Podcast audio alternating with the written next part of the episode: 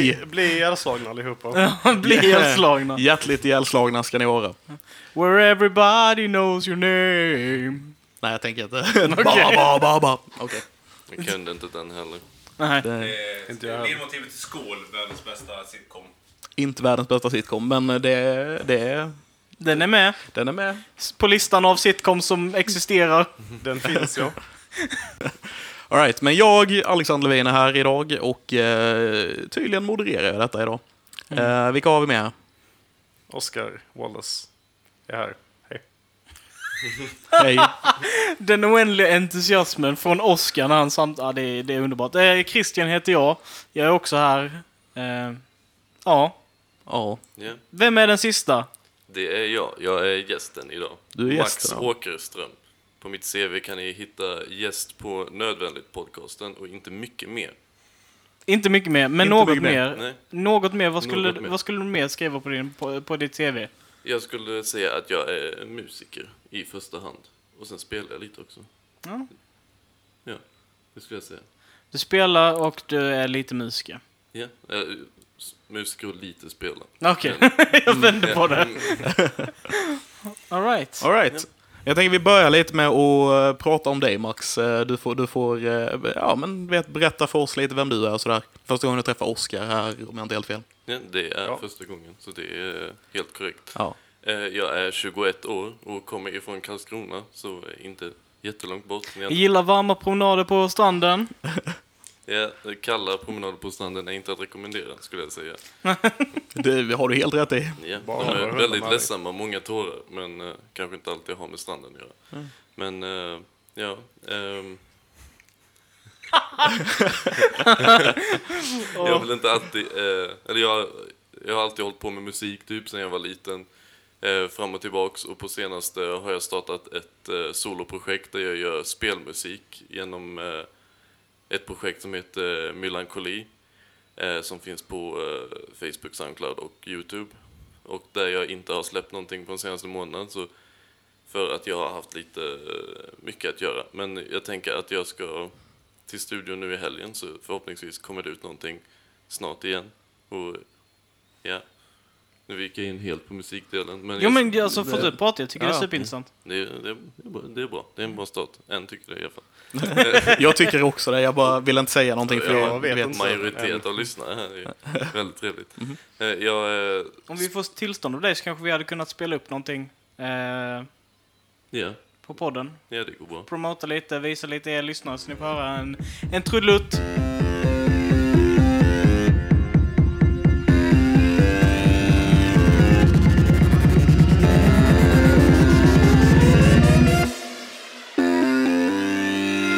Var den! Hoppas ni tyckte om den. Vad bra den var Max. Alltså, Men ni kan bara köra eh, fem sekunder, annars så blir ni copyright-claimade. Av dig? Ja. Ty- Tyvärr. Ty- Tyvärr. Alltså, jag Ja, måste, okej. Vi har tillstånd att visa fem sekunder utav Max Ja. eh, musik. ja, då håller vi oss till fem sekunder. ja. Ja. Vi letar upp de fem bästa sekunderna. Ja. Mitt Eller så tar i- vi en olika sekund från olika delar av låten. Eller från olika låtar. Ja. Och sen eh, utöver musiken så eh, har jag även spelat även eh, sedan jag var liten. Vilket jag antar nästan de flesta har gjort. Men Oh, ja. eh, nu för tiden håller jag mig mest till solo-RPG-spel eftersom jag eh, har förlorat en hel del vänner på vägen genom multiplayer-spelen. Och eh, på senaste, det senaste spelet jag kört är Subnautica där jag nyligen körde igenom hela på eh, en vecka eller så då jag inte hade arbete den veckan. Ja, Ja, det, Subnautica är ett jätteintressant spel. Jag spelade faktiskt klart det idag. Eh, detta, lite detta avsnitt där, men jag började spela det igen eh, innan jag fick reda på att du skulle snacka om det faktiskt. Så jag började leda också. Vi kan ju säkert snacka lite om det Ja. längre fram. yes. Men jag tänker på din musik... Ditt musikprojekt som du håller på med. Vad, liksom, vad vill du... Ja, det heter ju melankoli, så jag antar att det är att melankolisk eh, musik du skapar. Ja, alltså, namnet skulle jag faktiskt inte säga har någonting med musiken göra. Jag vill mest bara typ... När jag vill göra någonting seriöst så vill jag nästan alltid, alltid ha ett bra namn på det. För jag känner att namnet ofta får mig till att vilja göra mer saker. Typ har jag ett dåligt namn jag- redan så är det så här bara, men vem bryr sig? Vem kommer någonstans med det här namnet liksom? Eller så. Var, var fick du namnet från? Eh, det, var, det var från ordet melankoli. Och sen eh, är jag väldigt eh, fast vid, eller när jag startade projektet var jag väldigt fast vid nordiska namn. Så jag försökte göra en lite mer nordisk version. Så jag bytte E till ett Y, så det blir Myllan. Och sen gjorde jag till två ord, så det blir Myllankoli. Så jag tyckte det blev... Ah. Ja, det är ju väldigt intressant faktiskt. Ja, det är inte jättemycket egentligen bakom namnet, men jag tyckte det såg bra ut sen när jag skrev ut det. Så jag tänkte bara, ja, men det här funkar. Och Ja. så körde jag med det. Jag ska göra en lin och säga att ni hörde det först här i Nerdfriendly-podden. Bakom den röda tråden. Det här avsnittet kommer vara copy-pastat sen till Wikipedia-sidan. eh, man läser var namnet kommer ifrån. Citera inte Yeah. mig på det här nu. Jag bara vill att det ska finnas under quotation marks. Det hade varit jättekul. Ja, Ja, okej. ja. Ja. Ja, det var kul. Bra. Men jag eh, började göra det när jag var med i ett projekt, eh, Kaoskompaniet i Ronneby, där vi Hela grejen var lite att man fick göra vad man ville och det gillades som en praktik. Så jag tänkte att jag ville göra någonting som hade med musik att göra. Och eh, då jag alltid har spelat i band innan och spelat med vänner och eh, jag nu för tiden inte har så många vänner tänkte jag säga, men folk runt omkring mig som vill spela musik så tänkte jag men jag gör någonting ensam och eh, det är svårt att gå ut och spela ensam om man inte är en trubadur, liksom att göra en helt bandgrej. Så jag tänkte att jag testar att göra någonting liksom elektroniskt eller så. Och eftersom jag inte är så mycket för housemusik så fick det bli eh, spelmusik helt enkelt. Men är- det den typ klassiska chiptune-varianten eller är det lite längre fram i generationerna? Det är väldigt blandat faktiskt. Okej. Ehm, Den första låten jag gjorde är väldigt sp- inspirerad av eh, Age of Empires 2, så musiken där i. Så den är väldigt så medeltida, medeltida instrument och lite så här mysigare skulle jag säga. Medan låtar jag gjort senare har varit väldigt retroinspirerad, väldigt inspirerad av ehm, Undertale eller eh, de tidiga Pokémon-spelen till exempel. Ah, mm. Och så har jag försökt göra lite olika genrer. Jag har försökt att alltid i varje ny låt utmana mig genom att antingen göra en ny genre, en ny känsla eller till ett annat sorts spel till exempel. Så jag har gjort låtar liksom till skräckspel fast jag inte liksom hade en aning om hur det skulle låta. För att jag kände att jag ville inte bara hålla mig till samma grej och bara göra hundra olika versioner av samma låt liksom. Testa lite olika grejer helt enkelt. Precis. Ja. Det är ju det är ju skitkul, det ska man göra tycker jag. Mm. Ja. Absolut. Jag, jag vet inte ifall, eh, Oskar, minns du min, eh, min eh, chiptune-fas? Nej. Jag hade ju så, jag gjorde ju musik på Fruity Loops. Och så gjorde jag ja. sk- skumma typ grundsynter, så jag hade nästan bara square wave-syntar. Och alla de var jätteodynamiska och bara så här, "Äh!" Och så gjorde jag låtar på det. Ehm, och de blev väl av varierande kvalitet, men det var ändå skitkul. Liksom Ja. så. Det är någonting som är väldigt kul, speciellt med retro och chiptune och så, är att man eh, behöver inte riktigt hålla sig inom ehm, liksom olika tonarter eller sånt. Eller, man, egentligen ska man ju nästan alltid försöka göra det, men det låter inte alltid skit när man liksom bara gör någonting som går igenom varenda ton liksom som finns eller så. Och ett knep jag ofta använder mig av är att jag eh, faktiskt går in i eh, notprogrammet, om man ska säga, eller det är som tablatur ungefär, där man liksom ritar in vad synten ska spela i midi. Och så bara ritar jag ett fint mönster, typ. Liksom ritar några grejer och sen ser jag bara hur det låter. Och oftast så låter det nästan bättre när man gör det än när man försöker spela någonting på själva midi-pianot. vilket är väldigt kul. Ja, det är coolt. Jag har använt mig av det senare också i någon låt jag har som är väldigt vattenbaserad, liksom det ska vara vattnigt. Så någon gång i den så kom jag inte på hur liksom, mitten av låten skulle vara. Jag ville inte liksom, upprepa mig för mycket och så. Men jag kunde verkligen inte komma på någonting hur mycket jag än eh, försökte improvisera. Så jag tänkte att jag gör samma grej, att jag går in och ritar, men man kan inte bara rita liksom, mönster när det är eh, liksom en gitarr eller så, för då låter det skitkonstigt. Så jag tänkte jag ritar en bild, så jag, eftersom det var ett vattentema så ritade jag två stycken fiskar som simmade efter varandra. Och det lät skitbra, och jag sparade exakt som jag gjorde, exakta hela fisken. Och många som lyssnar på låten säger bara "Åh, det är min favorit. Eller Jag bara, bra, det var delen jag inte gjorde någonting av. För jag ritade en fisk istället. Och det, det är svinkul faktiskt. Yes. I really dig. Yeah. Så när du säger att du gör, mus- att du gjort musik till skräckspel, Mm. är det annorlunda än att bara ha en jättelång eh, violnot, äh, fiolnot som de Ja, flesta jag- jag gjorde ju- skräckgrejer har? båda versionerna. Alltså det var en liksom de bara, ah, man ska gå runt i ett tåg och du kommer antagligen inte göra så mycket medan du går runt i tåget. Så ha någonting bara i bakgrunden. Och där gjorde jag liksom bara, jag tog eh, en stråk och tog det mörkaste f som gick liksom och drog ut det skitlångt. Men har jag lite små grejer här och där. Det är kanske en plockande fiol som plockar några jättehöga toner med mycket reverb eller så. Som ska vara lite läskigt. Men sen när väl eh, det, det läskiga börjar, så när man blir jagad, så blir det väldigt så eh, dunkande trummor liksom med mycket eh, baspedal och mycket så, eh, jag tror mycket, eh, stråkar som var mer, istället för att dra ut på tonerna så var de liksom mer hackiga Hektiska, och liksom. ver- verkligen liksom bara någonting händer, du håller på att bli jagad. Gött. Så det var väldigt annorlunda att göra det, för vanligtvis gör jag ju bara eh, fina melodier eller så för att göra en liksom fin känsla, men det var ju mer rått än en melodi. Liksom, en melodi vill man ju inte bli jagad till, då blir man inte rädd. Då börjar man ju typ sjunga med istället. Föredrar du någon sorts musik att göra eller är det Jag du skulle- blandar? Jag skulle säga att den första låten jag gjorde och sen den vattenlåten som båda är lite mer, eh, jag skulle säga liksom medeltida, lite mer med så eh, flöjtinstrument eller gitarr eller så, lite eh, liksom så gammalt skulle jag säga nog är min favorit.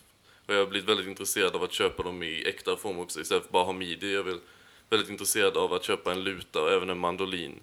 Just för att kunna eh, liksom inte sitta på ett piano och göra det utan att testa hur jag kan få de olika ljuden och olika känslorna ut på ett instrument och spela in det. Jag säger ballt gör det. Ja, jag, ty- jag tycker också det. Jag, jag, vet, jag hade någon fas under eh, när jag gick på BTH. där jag var jättetaggad på att skaffa en shakuhachi. Eh, och det är en japansk flöjt eh, som är väldigt luftig. Så du, får väldigt, du kan få väldigt starka toner, men du kan också få de här väldigt typ ihåliga, luftiga tonerna. Och det ger ett väldigt speciellt ljud. Eh, sådana har varit skitkul att spela. Ja, det låter inte alls så som jag lät, men, eh, men ja. Vad bra. Inte, inte alls, så vi kan testa. För att inte bli copyrighted liksom. Det lät inte så där. De, de låter inte så. Det- Nej, nej, It's nej, not the precis. best sound in the world, this is just a tribute. Precis. Hej! Nej, I know that reference. Ehm, ja, Ja. Eh, jag tappade bort mig helt på referensen. Eh, men, eh, men, men vad gör du annars då? Förutom musik till spel? Ja, ehm, Tack, du skrattar åt mig. Hur är det annars? Hur är det annars? Ja? Hur är läget? just nu, jag försöker göra lite allt möjligt. Så liksom, som inte är musik och gaming-relaterat så jobbar jag lite. Och jag jobbar på restaurang och sen så jobbar jag lite med festivaler och sånt liknande. Så det är, okej, lite musikrelaterat ändå, men eh, jag jobbar mest, hänger med vänner och försöker att eh, göra olika hobbys och typ lära mig nya saker. Och eh, med mer musikrelaterat så går jag även en utbildning just nu som är eh, låtskrivarlinjen som eh, är på Blekinge folkhögskola i Bräkne-Hoby. Där jag har gått nu i ett halvår och har det här halvåret kvar. Just det. En nystartad linje. Ja, precis. Det är första året, så jag är med på första året. Och jag tror jag är den som har varit där allra minst också, eftersom jag gör så mycket andra saker. Okej. Men eh, det är en väldigt bra linje, det, det lilla jag har varit där. Jag har lärt mig väldigt mycket och träffat väldigt roliga människor. Det känns inte lika strikt som att gå eh, liksom, eh, en musikhögskola eller universitet eller så, där det känns mer liksom, formellt och mer eh, prestigefyllt. Medan här känns det väldigt liksom, skönt, liksom indie och punkigt och man- blir väldigt bra vän med lärarna och man hänger nästan liksom mer än vad man har lektioner. Det är liksom, de skriver på Messenger så nio på morgonen bara ska vi ha lektioner eller något sånt och läraren bara "Ja, om ni vill. Liksom, jag håller på att ta, liksom, ligga och sover eller så. Man kan ju köra in och liksom ha lektion man bara det här är rätt så skönt ändå. Ja, det känns ändå, det är lite som man hade velat ha det på något vis. Ja. Eller är det bara jag Det beror väl lite på man, hur man är som person. Alltså jag hade ju inte klart det med min dåliga självdisciplin.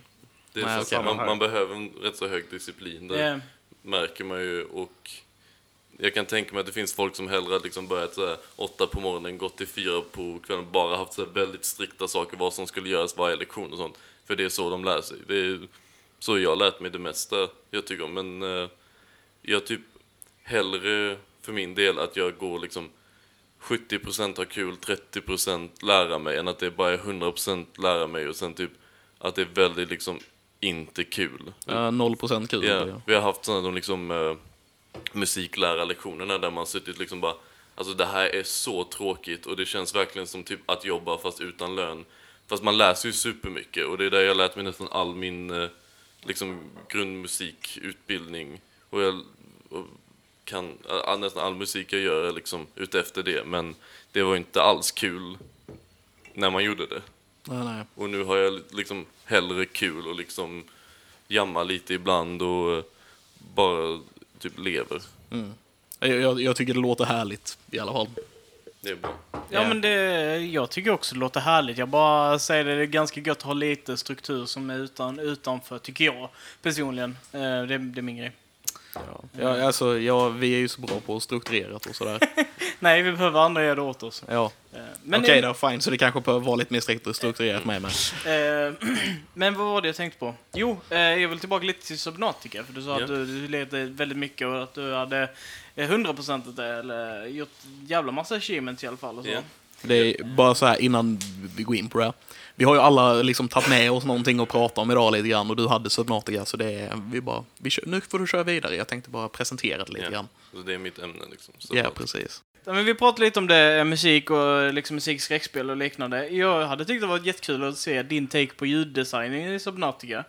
Mm. För att jag, jag stängde av musiken i Subnautica för att jag skulle lyssna på någonting annat vid sidan av medan jag höll på med spelet. Och sen här, glömde jag ta bort det, men jag märkte ingen skillnad förutom att jag inte var rädd för spelet längre. Ja.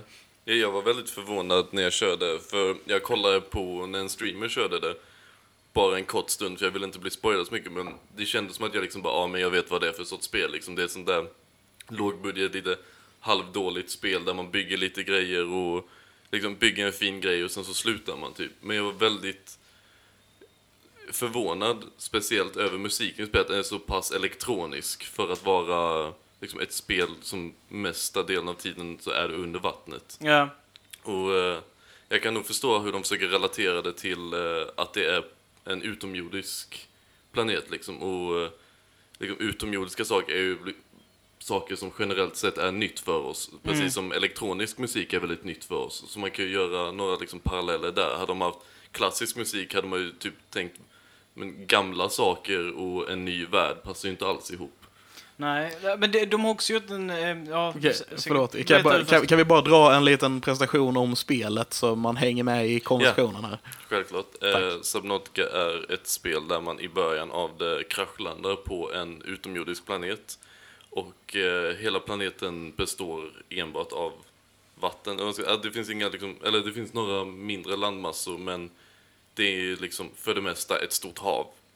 Och man landar med sin lilla sån escape pod som flyter på vattnet.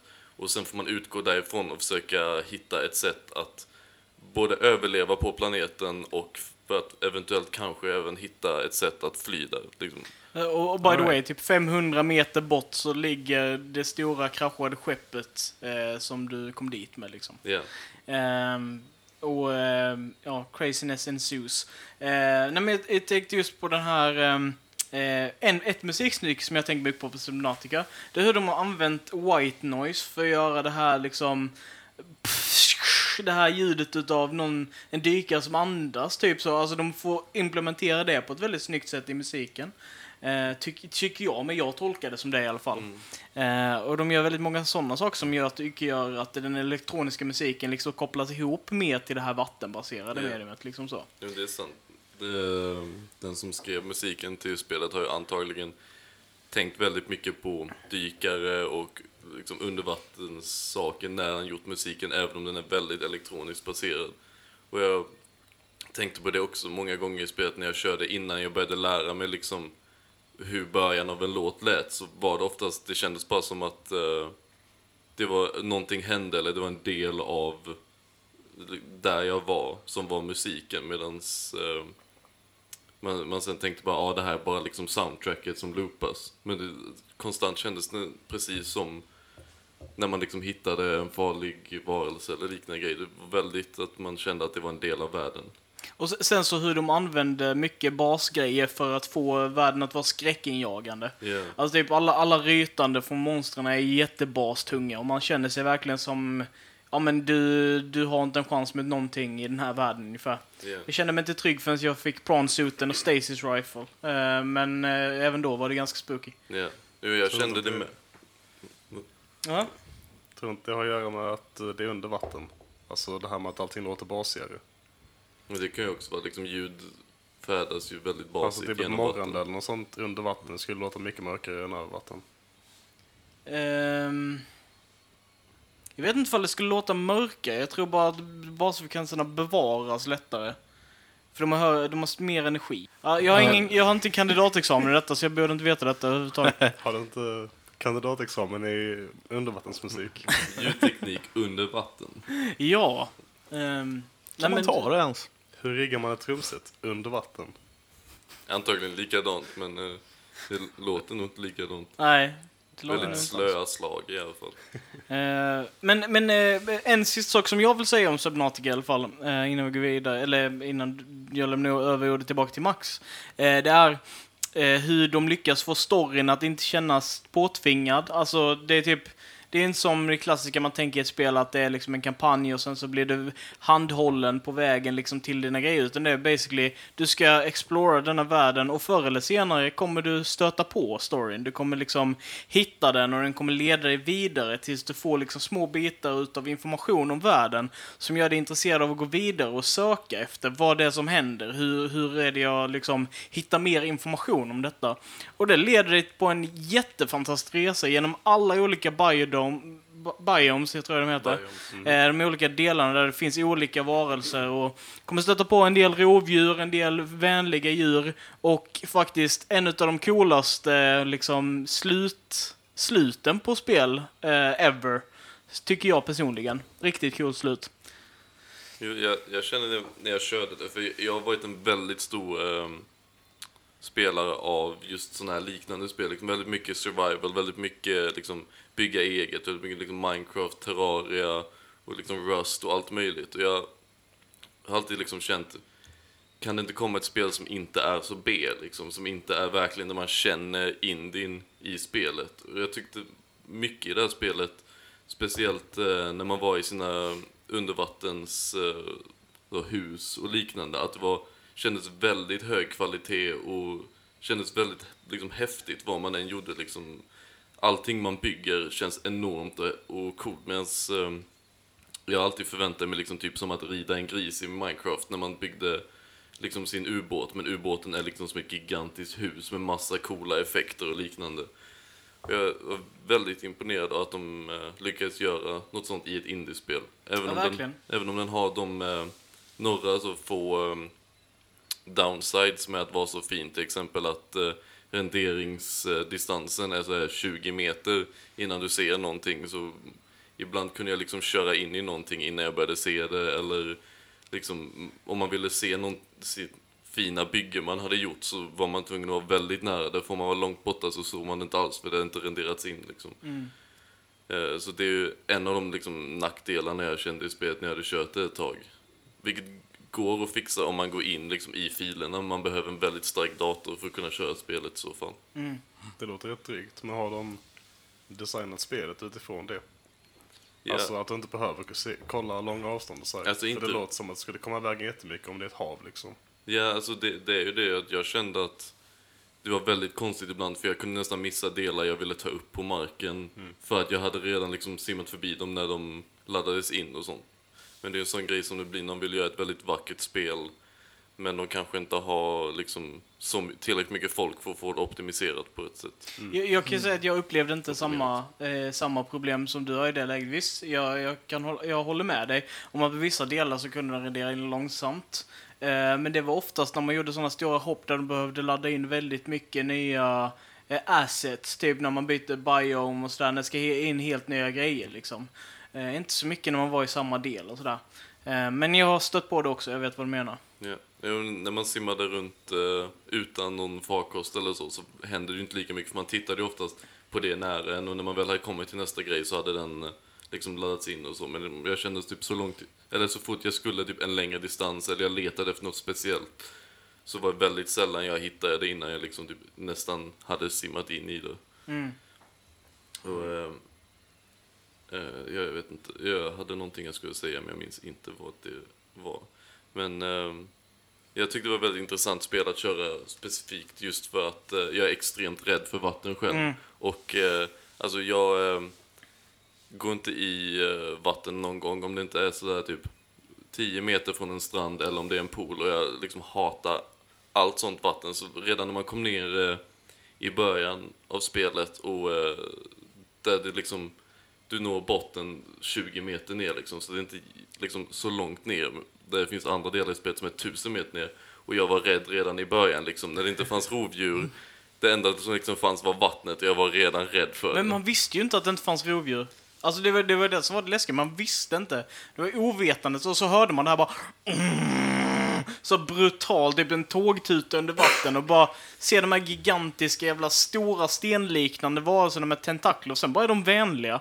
Så möter man annan skit som är skitfarlig. Alltså hela det spelet är typ borderline skräckspel alltså. Jo, För att man inte vet. Ja, Ja. eh, mycket så. Och att de använder så här basiga ljud och det, kan vara, det, det brukar man ju relatera på. Okej, det här är en fiende. Men det kan också vara, bara vara ett djur som är där.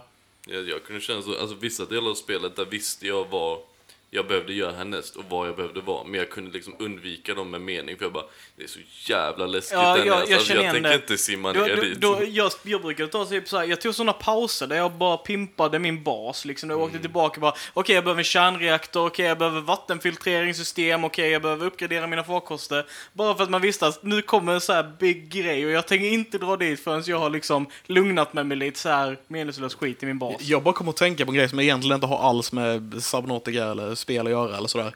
Eh, Jag bara hörde en historia igår om The Haunted House på Disneyland. Någon som har hört det? Nej. Nej. Var det den som stängdes ner? Nej, det, det, Nej, den, innan den öppnade snarare. Mm. Eh, för det fanns, eh, Disney hade en plan från början när de öppnade parken att de skulle ha ett Haunted House. Och eh, han designade själv och de byggde upp det. Och sen så öppnade de aldrig det. Så det, var liksom, det blev så mycket snack. Det, jag tror det var stängt i 14 år innan det faktiskt öppnade. Bara stod där. Så folk var ju rädda och trodde att det var hemsökt på riktigt du vet, och sådana här grejer. Bara för, eh, det, det var, gick historier om att eh, när de byggde det så var det någon som dog där, du vet. Och, så att inte veta varför de inte öppnar var det läskiga i hela grejen. Ja. Ja, säkert bara Walt Disneys feta marijuanaodling eller någonting. det är det. Mitt i parken för Ja, det- ingen skulle kolla det. Nej, det, de hade inte byggt klart insidan, de hade bara byggt klart utsidan. Ah. För de kunde inte bestämma sig vad de, skulle, de. vad de skulle göra där inne. Mm.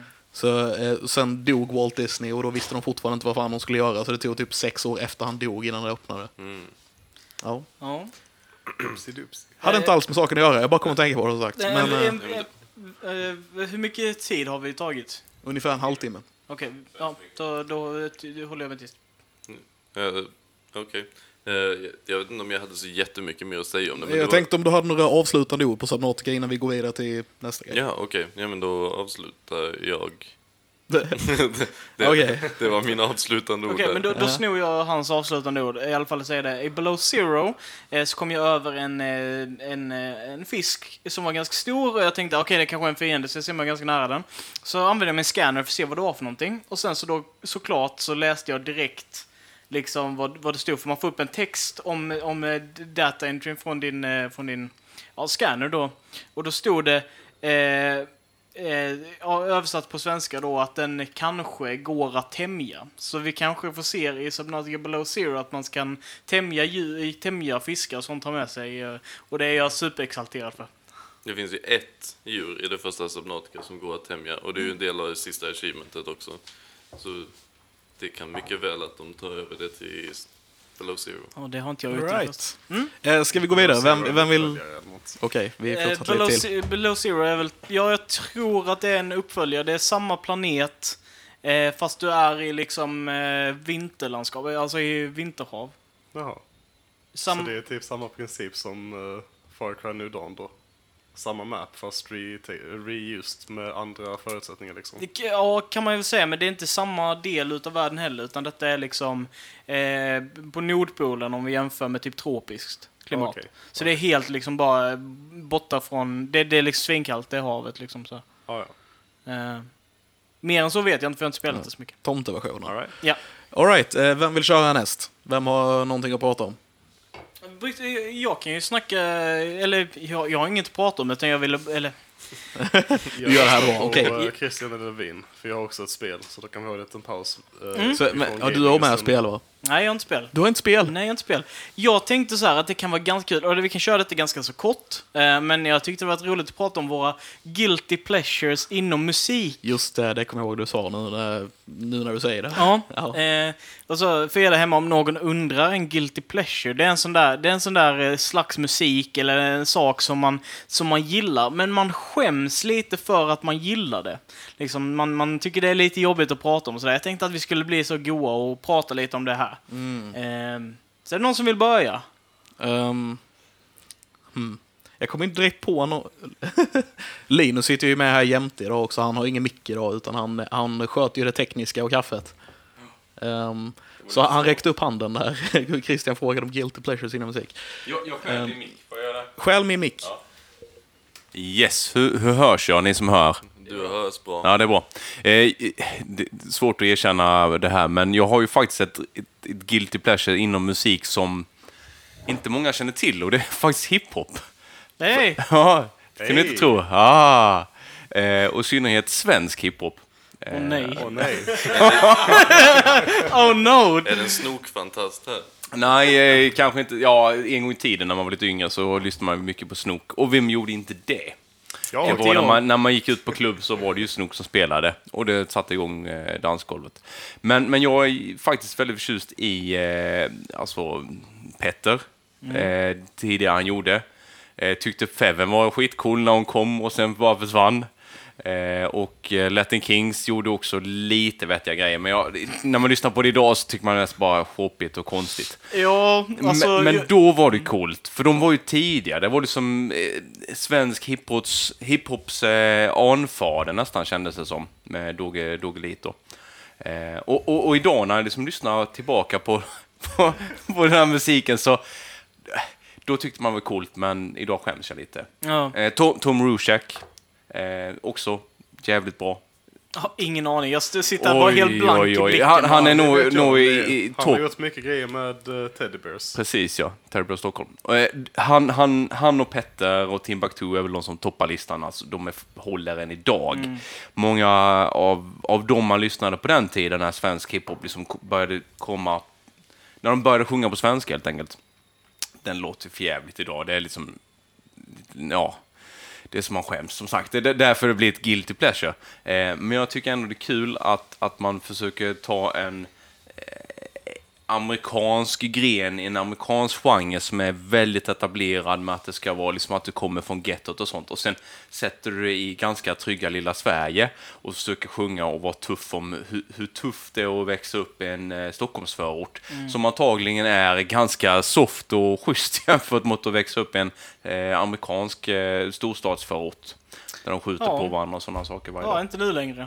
Nej, nu, nu, nu är det ju en vanlig dag i Malmös utkant. Men jag, jag måste ändå säga, eh, bara, en, bara en kommentar på det. Liksom. Eh, om, om vi tycker, det är så intressant eh, just att du säger det, liksom, det här med, med hiphopen i USA och liksom, vi har haft punken liksom, i, i England liksom, som har varit utloppet liksom, för den här liksom, misären och lågkonjunkturen och så. Men jag tänker också på Nationalteatern.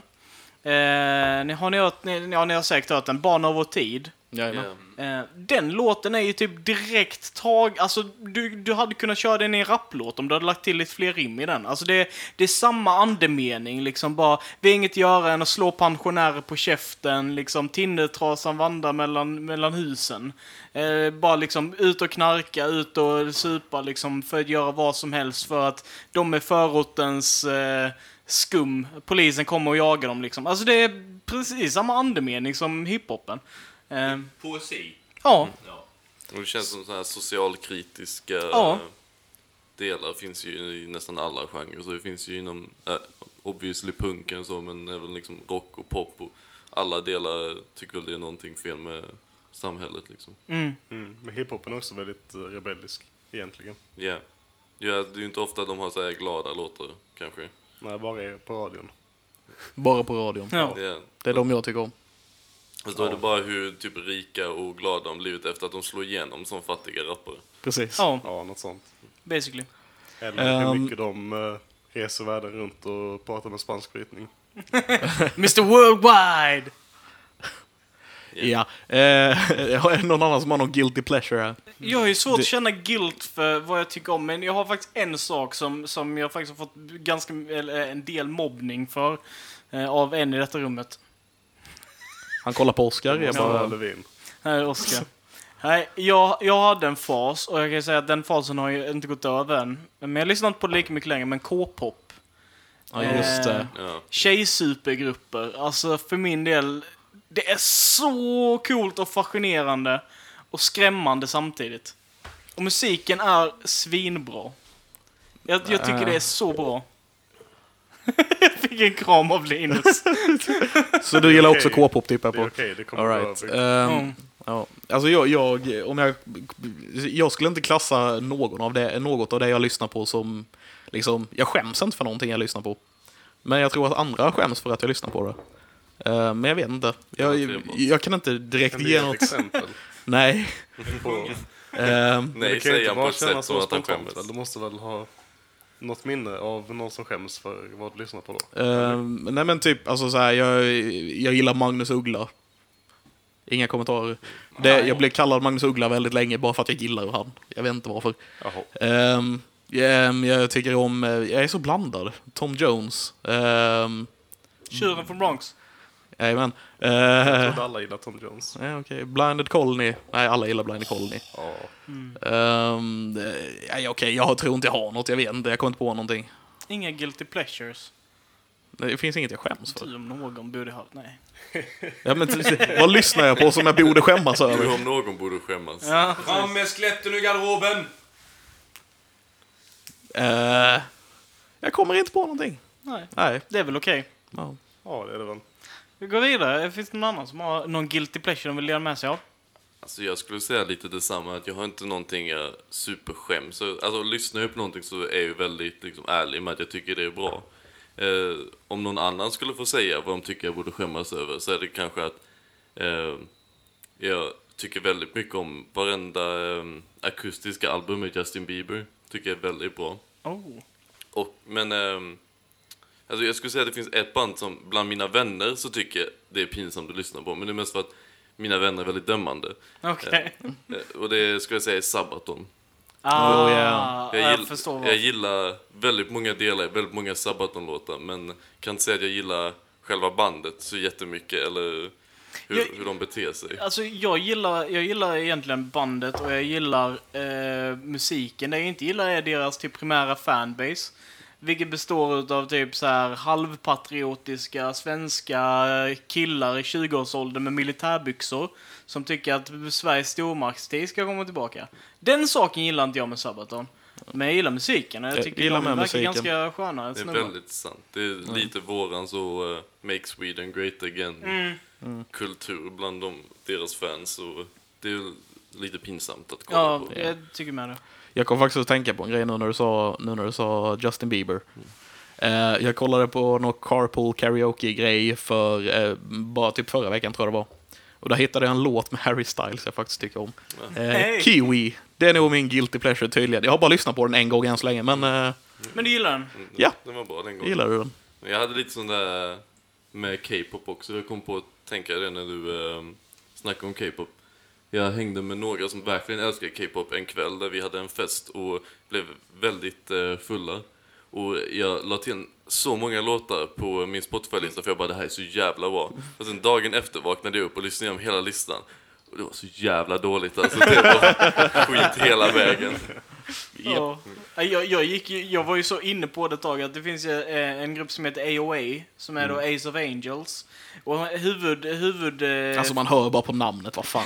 huvudpersonen i detta, eh, denna gruppen heter Jimin. Hon blev min absoluta obsession under den här perioden där jag var riktigt inne i K-pop. Så jag, gick och, jag kollade faktiskt på ett koreanskt, en do, koreansk dokusåpa där hon var med. Som hette Unpretty Rapstar.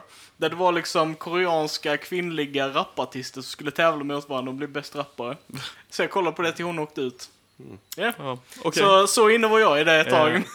Eh, Oscar, har nej, du, du, eh, nej, det var odubbat, men det var subbat. ja, Oscar, har du någon guilty pleasure?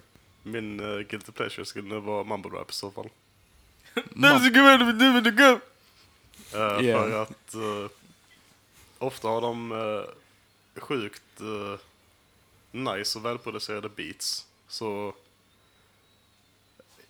ibland så kan jag fastna för de låtarna fastän allt annat än beatet suger. För att beatet är så skönt att man bara vill liksom ha det igång ganska länge liksom. Sen så är det ganska gött att bara kunna skrika lite hype, uh, hype loops. Ja, precis. Fucker! När man är ute och går kan man bara skrika adlibs och så bara blir låten bättre istället för sämre. Det är rätt fett. Intressant. Sen har jag fått lite skit av dig för att jag gillar eh, band som kör med rätt mycket dissonans också, men eh, det skäms jag inte för. Nej, jag bara säger att jag inte tycker det är så nice alltid. Mm. Mm. Som Low Teens, Men det är ju ett album jag vet. som är bra.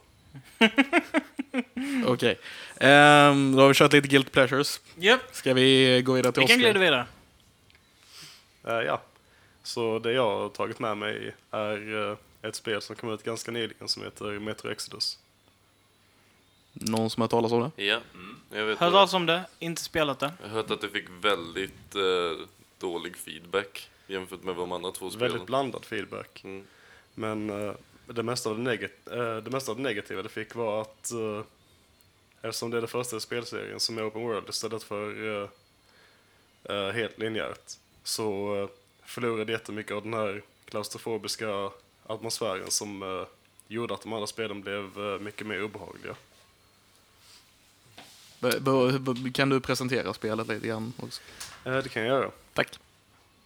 Så de är baserade på en bokserie som heter Metro också. Um, och eh, de två första spelen utspelar sig då i um, ett tunnelbanesystem i Moskva efter ett kärnvapenkrig. Så de enda som har överlevt i Moskva är då de som har lyckats fly i tid ner i tunnelbanesystemet och så har de återbyggt ett nytt samhälle där. Det låter ballt. Jag hade, jag hade sett den filmen. De Eller jag, är, de är helt otroligt eh, cyniska. Alltså deras bild på människor är väldigt cynisk men eh, intressant. Väldigt intressant universum. Um, men det nya spelet är helt öppet och man reser bortom Moskva för att leta efter eh, en plats som inte är strålskadad där man kan bosätta sig och skapa en koloni. ja. Um, Men vad jag förstått också så är en hel del av eh, kritiken just för att de första två spelen är ganska linjära och därmed har man kunnat göra, precis som du sa, den klaustrofobiska känslan och att eh, de kan göra allting väldigt eh, cinematiskt och väldigt som att man följer med storyn hela vägen och spelet är uppbyggt väldigt i spelstilen som att man gör det mesta ganska långsamt medan i spel som Call of Duty eller liknande liksom FPS-genre så rör man sig väldigt snabbt, man laddar om väldigt snabbt, man skjuter väldigt snabbt, allting händer väldigt snabbt. Medan i de tidiga metrospelen har allting varit väldigt långsamt, så speciellt för att det är läskigt så som man har tagit sig fram långsamt och liksom utforskat väldigt mycket. Medan nu när det är open world så eh, har de inte ändrat det och man rör sig fortfarande väldigt långsamt. Allt är väldigt långsamt men det är mycket mer utrymme att röra sig på. Så det känns mer som att man liksom tar sig igenom allting väldigt långsamt. Ja, ganska. Det är lite så, men eh, samtidigt så är det ju inte helt open world. Um, utan man uh, stannar till på samma sätt som i andra spelen, att det liksom, man har en karta i loading screen och så kommer till olika punkter. Mm. Bara att de är mycket större och det är liksom en area som man är i. Tills man progressar storyn vidare och så åker man vidare på tåget. Um, men eh, istället för den här uh, alltså cinematiska känslan man ska säga, så har de eh, lyckats göra, enligt mig i alla fall, uh, Open World-spelet hittills som har bäst uh, storygenomförande. Tycker jag. Um, de har ett väldigt intressant sätt att eh, eh, ha igenom spelarval i spelet. Och det är att du gör inga val direkt. Utan så som du behandlar sak, uppgifter du får och hur du gör dem blir val istället. Det låter intressant. Kan Så du ge ett exempel? exempel- Ja. Väldigt tidigt ehm, i spelet så uh, hittar du en kyrka med en ganska utflippad kult där du ska rädda en kvinna. Ehm, och eh, beroende på hur du gör det så påverkas resten av storylinen i den zonen. Och liksom deras bemötande mot dig och allting påverkas av till exempel om du har dödat några av dem, om de har sett dig överhuvudtaget, om du har dödat dem efter de gav upp och så vidare. Eh, Och allt det påverkar hur eh, storyn fortsätter och hur den avslutas i zonen innan man går vidare. Det är väldigt intressant. Mm. Det låter ju lite som till exempel i Witcher 3 fungerar lite så att nästan varenda zon har en sån typ en story från en början till ett slut där det kan sluta väldigt annorlunda än hur det börjar. Men det låter ju nästan Oh ja. mer så um, gömt, så som du beskriver det med att man inte riktigt eh, har val som i Witcher där man kan vara lite mer så här typ, ja jag vill göra det här, det här eller det här. Men det du beskriver låter lite mer som att man väljer saker utan att veta att man väljer dem och att det Jo, bara liksom händer för det är så man själv spelar det. Jo, det precis. låter intressant. Allting du gör, alla dina handlingar medan du spelar, är det som är dina val istället för att göra aktiva val. Mm. Jag, jag- jag måste eh, flika in och kommentera och fråga lite. Alltså det är som, för det, vi pratade lite om det att Metro spelar väldigt långsamt. Eh, just sådär. För det, det är väl lite för att etablera den här... Att det ska... Det är väl för immersionens skull. Liksom. Du ska inte vara orimligt snabb, du ska inte vara liksom, orimligt duktig på det du håller på med. Liksom. Du ska vara believably okej på det du gör. Liksom. Du ska vara långsam som människa, du ska ladda om liksom, långsamt och sådär. Det blir väl lite mer simulation liksom, av om att vara den situationen. Och det skulle väl ta bort väldigt mycket från spelste- alltså spelkänslan om man gjorde det i en open world-setting Jo, också. precis. Um, och det som de har tagit bort från skräckelementet har de lagt till mer på survival-elementet kan man väl säga. Så det finns crafting och liksom du måste hålla rent dina vapen och reparera din equipment och så här. Uh, så fort du får chansen, oftast. Um, och du blir straffad på många sätt om du hamnar i fights för mycket. Hur känner, eller du har kört de tidigare spelen också eller? Ja. Ja, hur känner du att de gått mer ifrån att eh, ha den eh, liksom mer klaustrofobiska, cinematiska känslan till att vara mer, liksom ta upp saker som crafting och liknande grejer som många andra spel har, medan de var väldigt unika i deras första spel. Um, jag tycker om det för att uh, du fortfarande får mycket av den här pressen på dig själv med vad som vad kommer hända och så här, för att oavsett hur förberedd du är så kan du inte vara förberedd på allt som händer i storyn. Um, och de har kvar en del av den klaustrofobiska känslan. För eh, det finns ju många inomhussektioner i spelet fortfarande så här. Men eh, eftersom de är mer utspridda så är det lättare att veta när det kommer att vara läskigt. Och det förstår jag lite. Okej. Mm, vad skulle du ge eh, betyg på det här? Ja, det jag spelade än så länge skulle jag nog säga 7 eller 8 av 10. 7 eller 8 av 10? Ja. Det är ändå typ great. Ja, jag skulle säga att det är helt klart godkänt. Make eh, Metro great again. Har du några avslutande ord eller ska jag bara gå vidare med mitt? Eller hur känner jag? Eh, kör du. Då kör jag. Eh, Jag plockar med mig en eh, serie som jag vet Christian i alla fall har sett också. Umbrella Academy har jag kollat på. Någon annan som har sett eller hört talas om det? Jag kollade upp det, jag har inte sett den. Jag Nej, har sett titeln på Netflix. du har sett titeln på Netflix. Eh, Eh, spoilers may, may happen. Spoilers kommer att hända. Jag tänker Ja. jag börjar, börjar presentera det lite grann. Så serien startar med att eh, 43 kvinnor blir eh, spontant gravida och föder ett barn inom loppet av en minut ungefär. Samtidigt runt om i världen. Så 43 ungar, ish då, vad vi vet, eh, föds samtidigt. En excentrisk miljardär åker runt och köper eh, sju av de här ungarna. Och, eh, och eh, då har, ska upp- uppfostra dem, fast det gör han inte riktigt. Han mer köper dem och ska göra ett superhjälteteam av de här. tycker Han, han basically programmerar dem. han basically programmerar dem. ehm, och de här, i alla fall de här sju ungarna, för det är de enda vi har träffat än så länge, har ju vissa speciella krafter och sådär. Mm. då. Typ en som har en skitdum kraft och det är att han kan, eh, han kan skruva allting han kastar. Ja, Vilket jag precis. inte fattar. Så, Alltså, han, typ, han får... så, han typ så här, han har, han har knivar som han kastar han bara får dem att studsa liksom dit han vill. Men Ja. det är bara saker som bara, han kastar. Ja, de bara hamnar där han vill att de ska hamna, typ. Ehm, och... Så han borde ju fly därifrån och plocka upp en karriär som basketspelare istället då. Nej.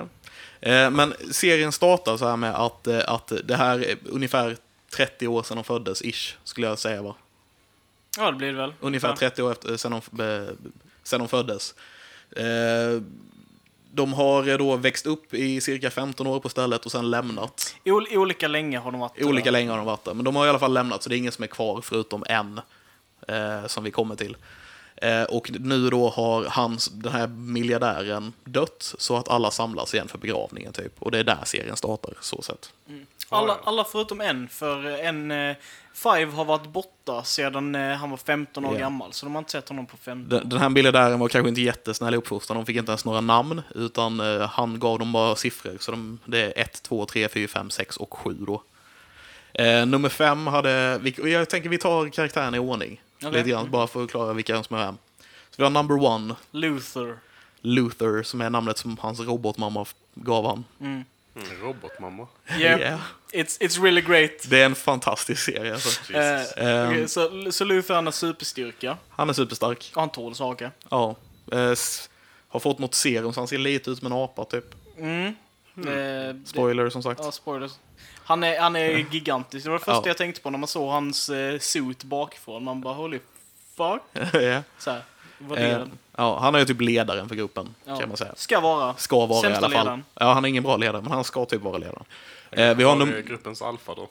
Vad sa du? Han kanske bara är gruppens alfa då. More like bara, pappa sa att jag ska vara ledare så därför ska jag vara ledare, men jag har inga ledaregenskaper. Typ så. Ja. Ja. Och vi har nummer två, det är snubben som kastar knivar och får dem att fastna. där nere. Diego! Diego. Right. Ja. Ehm, och eh, sen har vi nummer tre, som Mm. är eh, Allison, heter hon va? Allison, ja.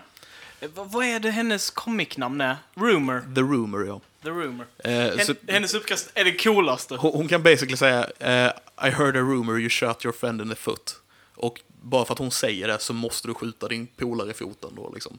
Det är hennes superkraft. Och Hon är superstjärna för att hon har eh, gått till tv-producenten och bara I heard a rumor that you really want me for this movie. Ja, så hon är nu filmstjärna och gör, du vet, så här, tjänar massa pengar och finns en backstory med att hon har unge och grejer som hon inte får träffa och så vidare. Och så vidare. Eh, nummer fyra är Vem är det? Klaus. Ah, right. Typ. Så, som är nog den coolaste karaktären. Ja, det är nog en av mina favoriter. Ja, det är han och number five är mina favoriter. Klaus kan se och prata med döda människor. Han avskyr det och därför så har han börjat knarka eh, för att han ska slippa undan det. Så han eh, knarkar ganska stenhårt i början av serien. All right. Han, han, eh, hans introduktionsscen är att han får hjärtstillestånd och vaknar upp i en ambulans. Ja. För att han är liksom så här eh, helt, helt out. Han har precis kommit från rehab och bara går ut på gatan, köper heroin och så bara får han hjärtstillestånd. Liksom så här, det, det är så han introduceras. Det intressanta med den karaktären är liksom att han har ju verkligen eh, han, han är helt fucked up liksom. Eh, efter han var ju ung. För att eftersom han kan se döda så ville ju för då deras pappa eh, inom citattecken vill ju att de skulle bli starkare och kunna hantera sina krafter. Så då lät han Klaus umgås väldigt mycket med spöken och döda. Typ låste in Eh, han i ett eh, och lät han sitta där i några nätter. Ja, så Klaus han har blivit riktigt fucked up och på grund av det så blir den karaktären helt... Eh, Svinbra karaktär. Ja, ja. Ja. Ehm, nummer, bara en till grej på, Fem. en spoiler på, eh, på nummer fyra innan. Eh, jag bara tycker det är en sån kul scen när, han, när de eh, eh, fångar han och ska tortera han för att ge information. ja, Och under tiden, de typ så här, vad gör de? De typ skär på han och sätter, vad är det de gör? jag, jag tror att de stryper honom. Stryper honom. Ja, det, det är nog... Eh, han, han sitter och stryper honom med en kabel. ja, just det. Och så ser de att han... Eh, Så, så får de sluta för de ser att han får stånd av det. Eh, bara en kul scen. Ehm, Hemskt. ja. Eh, sen har vi då number five. Han försvann när han var 15. 15-ish. Eh, hans superkraft är då att han kan eh, teleportera sig basically, egentligen. Han, Jag Så förstår det var hur därför han försvann. ja, Yeah. det, ser- så han, eh, han, eh, han eh, ska då tele- eh, han ska testa och eh, göra en tidsresa basically. Japp. och eh, fastnar i framtiden efter att apokalypsen har hänt. Så han är helt ensam kvar på jorden i 58 år, eller vad det är, som han blir kvar där. Ja. Ehm, och eh, i, i slutet av första avsnittet så är det då att han, att han kommer tillbaka efter att ha varit ensam i 58 år. Och han kommer tillbaka i sin 14 år, 15-åriga kropp. Så han, han, det är en 15-åring som spelar en 70-åring genom hela serien. Det är fucking amazing. It's really good. Eh, det är Klaus och Number Five. Han, var, han är inte tillräckligt gammal för att ha fått ett riktigt namn, så han heter fortfarande Number Five. Mm. Eh, de är två eh, definitivt mina favoritkaraktärer. Ja, de är svinbra. Ja. Eh, och lite, nah, man kanske inte ska dra den plotline. Okej, lite av den här plotlinen varför han kom tillbaka var för att han blev en tidsresenärs lönnmördare. Ja, just för det. en organisation. Det, känner- det, it's, it's, it's really great. yeah. det, är för långt, det tar för lång tid att förklara, men det är ju skitkul. Serien har tidslinjefuckery. Ja. Eh, Vi har nummer sex som, eh, som är död när serien börjar. Japp. Men är med För att Klaus kan prata med honom. Ja. för att han hänger med Klaus. Ja. Och han kan typ eh, få tentakler och skit komma ur magen och mörda folk. Japp. Även om han är ett spöke. Well, man får se typ en tillbakablick när Ja, han gör det. okej. Ja. All right. Och number seven som är Vanja. Nej, Jo, Vanja är number seven. Eh, hon eh, spelar fiol. spelar fiol. Ja. Hon, Wow. eh, hon har inga krafter. Och då. Hon har inga krafter. Nej, så hon är det mobbade, mobbade, Hon fick inte vara med och leka med de andra barnen. det mobbade syskonet. Nej, det är bra. Ja. Spela din sad violin istället. I- Ingen tycker riktigt om henne för hon skrev en bok om eh, alla så här uppväxt och såna här grejer där, han, där hon skrev massa skit om alla och sånt där. Så hon, Ja. ingen tycker om henne. Men alltså det känns som de borde ha en väldigt stor så här, grund i forskning om eh, den här serien. Alltså för att allting ska fungera. Eller tar de någonsin upp det? Typ hur allt det här fungerar. Eller någonting alls. Eller allt bara ett mysterium. Du menar tidslinje? Okej, låt, låt, mig, låt mig berätta. Alltså, hela den här serien, eh, de ger dig så lite information om vad som händer och vad som verkligen händer i den första säsongen. Liksom, de bygger upp för the great reveal och de ger dig aldrig en reveal, vilket är infuriating. Liksom man tänker sig den här, okej det är tidsresor, det är ett händelseförlopp, du har massa kar- karaktärer du inte har några eh, liksom, eh, förklaringar på. Du har liksom kopplingar mellan, eh, mellan karaktärer, liksom små hintar som man bara, okej det måste vara så här. Och så får du inte svar på en enda grej. Nej, nej, de, de bara hintar om alla de här fantastiska grejerna utan att faktiskt berätta dem.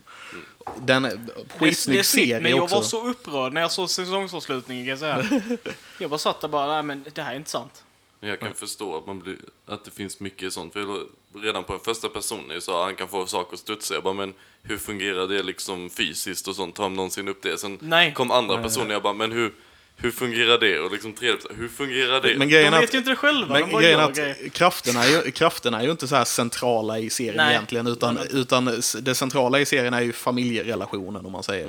Det är det som är det intressanta att kolla på, typ. Det, För att- det är en dysfunktionell eh, familj där alla har superkrafter och de är liksom knappt fungerande människor. Ja. Eh, jag älskade den här serien. Jag hade lite problem med de första avsnitten. Här, för det, det, jag hade lite svårt att greppa den. Man, Man kunde fick, inte bestämma sig vad man gillar. eller nej, man, man fick så mycket referenser av, av så mycket andra grejer. Jag fick lite, fick lite X-Men. A seri- lite Mm. X-Men, lite A Series of Unfortunate Events, lite Dirk Gently, lite Watchmen. Det var, det var liksom... Jag skulle så säga att det är ganska... grejer. Hade, hade jag fått säga så hade jag sagt att det är typ en blandning av Watchmen-filmen och Dirk, Dirk Gently-serien. Det är bara straight up. Ehm, Ja, kanske, ja. skulle jag säga i alla fall. ja. Men jag skulle säga att det är väldigt intressant att höra nu, för jag vet ju inte mycket om den. Att höra alla storylines och alla tankar och så och veta att, eh, för jag kollade upp vem som skrev comicbooken och att veta att det var Jared Way. Ja, jag vet, det är helt i My sjukt. Chemical Romance, liksom ett så här ja. emo-rockband och han skriver något sånt här. Han skriver serietidningar. Det här är Ja. inte det enda han gör heller, va? Nej. Han har väl gjort flera med, tror Jag jag. har ingen aning. Det, det här var just det jag kollade upp och jag bara, det är väldigt intressant. Och sen få höra alla de här liksom, storylinesen som man tänker att han ska göra något mer liksom emo-aktigt kanske. Ja. Man tänker, men det är en speciell, jag vet inte, det är en speciell känsla på serien också. Mm. Så man kanske kan, jag vet inte om man får någon koppling heller. Men Nah, alltså... jag är inget My Chemical Romance-fans, fan. Vi kan prata med mitt 50-åriga jag hur mycket som helst. Men, Ja. eh, ja, men jag, jag, jag kan varmt rekommendera den. Den har superintressanta eh, saker den plockar upp. En sak som jag kan säga att jag inte tycker om, det är när de, när de gör... ehm, För de har, ett, de har ett avsnitt där de basically har en dag där de har liksom alla good endings Ja. med, med karaktärer. Liksom, där alla, alla karaktärer liksom får, får sin önskan uppfylld innan avslutet för att världen ska gå under. Då, liksom, har de fått reda på. Eh, och sen så då, på grund av att Five han fuckar med tidslinjen, så tas den dagen bort. Ja, det det känns skitjobbigt. och de det, gjorde det känns ganska tråkigt att, Ja. att ha ett sånt avsnitt. Lite grann, för det känns bara onödigt. Ja. Samtidigt som man är kul, alltså man är glad att man fick se det. På något vis också, för att det gav en, det gav, gav en, en helt ny, eller inte en helt ny, men det gav en ny infallsvinkel mot karaktären, eller man ska säga. Eh, som man inte riktigt hade innan. Det- som relationen mellan, eh, mellan eh, nummer tre och nummer ett. Ehm, som är lite inavel, fast ändå inte. Alltså, den relationen är weird. Ja. Jag, I'm, I'm gonna jump out and say it. Ingen, ingen pratar om att det är jättekonstigt. Men Men, det är jag lite grann- tyckte det var jättekonstigt de, hela de, tiden. de har växt upp hela sitt liv som bröder och systrar. Och sen de så kallar bara- varandra bröder och syskar, systrar. Ja. Och så har de en romantisk relation med varandra. Det, det är lite konstigt. All Ja, right. men de verkar ju lite fucked i huvudet också, så det kanske är Yeah. någonting Alla är är ju fucked i huvudet. som relaterar till varandra. Men jag kan tänka mig att man hittar väldigt mycket plot holes i något sånt. Typ jag tänkte direkt på hon, eh, som när hon sa liksom I heard a rumor och allting hon säger liksom blir sant. Jag menar, hon har hon växt upp liksom hela sin så uppväxt som liksom ton, rebellisk tonåring och aldrig sagt liksom bara I heard a rumor att du lämnade mig för alltid eller någonting till någon blev sur på eller sånt. För det hade ju jag Det gjort. är, mycket möjligt att hon har, 100%. det är mycket möjligt att hon har gjort det kan jag Mycket, säga. alltså, det, det, det som man kan säga är att eh, absolut, det har kunnat för, förekomma. Men hon har också eh, slutat använda sin kraft. Eh, förklarar hon. Ja. Och det finns en väldigt bra anledning till varför hon slutade använda sin Mm. kraft. För att eh, hon, hon upptäckte vilka skador hon orsakade med det, så hon typ vägrar använda den. Ja. Eh, och det är också väldigt känslomässigt. Ja. Mm. Eh, så jag kan rekommendera att liksom kolla på Det- det för den sakens skull. Ja. Också, jag, tycker, jag tycker det är en kul grej hur de får sin robotmamma. Jag, vet jag, tror, Ja. jag tror inte jag ska avslöja hur de får henne riktigt så här, men eh, jag vill se den så... det, ja, nej, då ska jag inte säga det. Men det, det är kul, jag gillar det. Deras robotmamma är skön. Ja. Jag ville inte se den och nu vill jag se den mindre. Men eh, Bara- Jag kom på fler. Eh, Pogo har vi inte sagt någonting om. Ah, Pogo. Det är deras eh, orangutang som är butler. man eh? Såklart. Nej. Okej. Ja, så, såklart. Mm. Och du får ingen förklaring till vem han är och vad han gör där. Men du får en hint om vad det kan vara, Ja. men inget bekräftat. Men grejen är att ma- man undrar inte heller. Alltså efter, efter två minuter med Pogo i en scen så är man bara, ja det är deras butler. Han är som Alfred nu typ. Och Det, Ja, men det, det är just för att alla karaktärer de hanterar ju honom som att han alltid varit där. Liksom. Ja, ja, Det är liksom inte så här, åh en apa som pratar, utan det är liksom bara, ah, han är Ja. där. Kanske var så de testade hon, henne som rumor första gången att hon sa till en orangutang bara I heard a rumor, you're my butler. Och så blev han det. Fast, han har ju varit med sen eh, typ Ja, ja. länge. I- innan okej, dess. ja, Ja. okej, okej. Ehm, man, får, man får ju också lite grann så här, en hint om hur han... Ja. Men, eh, och sen har vi Hazel och Chacha som är väl de två skurkarna. De De kallas... är, de, de är lönnmördare. De är tidslönnmördare. Mm. Det är deras jobb. De är väl typ skurkar i serien. Ish. Ja. De är skurkar. Fast Ja. inte. Fast inte riktigt. Men jag förstår, eh, typ det, det skulle vara att det är typ den riktiga världen fast det enda som har ändrats är att John F Kennedy inte dog. Eller Ja, vad det, jag, det, det, man uppfattar inte alls det i tv-serien skulle inte jag säga. Okej. Jo, jo. Gör man? Alltså man, man vet ju att det är att det är någon slags skillnad i den här världen, men jag tolkar det ju inte som att det är... Du har ju denna Five han teleporterar sig. Det är precis innan han skjut, ska skjuta Ja, men Kennedy. skottet hörs ju Ja, ändå. det är sant. Mm. Så, Oopsie. Upsi dupsi! Nej. ja. Så, så svårt att säga. Eh, om det, om de, ja, man vet inte riktigt. Okej. Ja. Så eh, jag eh, kollade aldrig på dem för att jag eh, såg reklamen på Netflix och så klickade jag upp den för att jag ville läsa beskrivningen så såg jag att det inte handlar om Umbrella Corporation för Resident Evil så jag sket i Jag tänkte med på det första gången du skickade. Jag bara, är det nytt Resident Evil-spel eller någonting? Ja. Så kollade jag upp det och bara, har Jared Way gjort nytt Resident Va? ja. Men, eh, Men Säger de någonsin varför en helt liksom umbrella? ehm, ja, Alltså, det en spoiler. du, du får liksom em, en liten sån här eh, flashback-scen där du får se då liksom han, pappan. Jag minns, jag glömmer alltid bort vad han heter. Montgomery. Reginald Hargreaves. Okej, Hargreaves. Eh, Reginald. Du får se honom gå in i en, basically en eh, umbrella shop, eh, eller en umbrella fabrik. Eh, liksom, Och bara blir jätteöverlyckliga av att de har paraplyer. Alltså man, man fattar ju typ att han, han köper den byggnaden och sen så, Ja, är, och så det- är blir det döpt den efter det liksom. liksom. Ja. Eh, men i- ja, mm, typ så. Ja, I alla fall rekommenderar den stenhårt. Eh, Häng kvar de här första avsnitten som är lite svåra att greppa. Eh, ni kommer, ja okej, ni kanske kommer älska den. Jag vet inte vilka ni är. Så det, Ja. E- Eller, eller jag som jag, ger den inte en chans efter två avsnitt. Så jag brukar... eh, Om inte jag tycker att den är värd att se vidare så gör jag inte det. Men jag ser åt dem att göra det, så Ja. gör det. Och jag säger gör det inte, så... Ah, ni får lyssna på vem ni vill. Och jag säger kör min strategi med nya serier för den funkar bäst av alla. Kolla fyra avsnitt och sen ta ett beslut. Eller så hatar man det. Och vill Ja. aldrig se det igen. Men efter fyra avsnitt så, om de inte har gjort någonting för att hucka dig som tittare så är det inte värt en tid. Oftast. Var fanns den stratten när jag började kolla på Shadowhunters? Vad är det? En skitserie. Ja. Ja, hur många avsnitt såg du? Jag vet inte, för många. Fler än fyra? Jag vet inte. Minns inte. Ey, bara kul grej förresten, på tal om Shadowhunters. De gjorde ju en film innan de gjorde serien. Yep. Och han som spelar Klaus är ju med i den filmen. Ja, Ja, bara kul så här grej. Eh, nu tänker jag att vi bör eh, Runda av, runda av, avsluta lite grann. Linus vill säga någonting först. Ja. Ja, det vill jag höra. Yes. Detta har jag väntat på. Ja, eh, jag tänkte ta upp lite grann om eh, nu när solen skiner ute och alla loppisar och second hand och marknader kommer komma igång.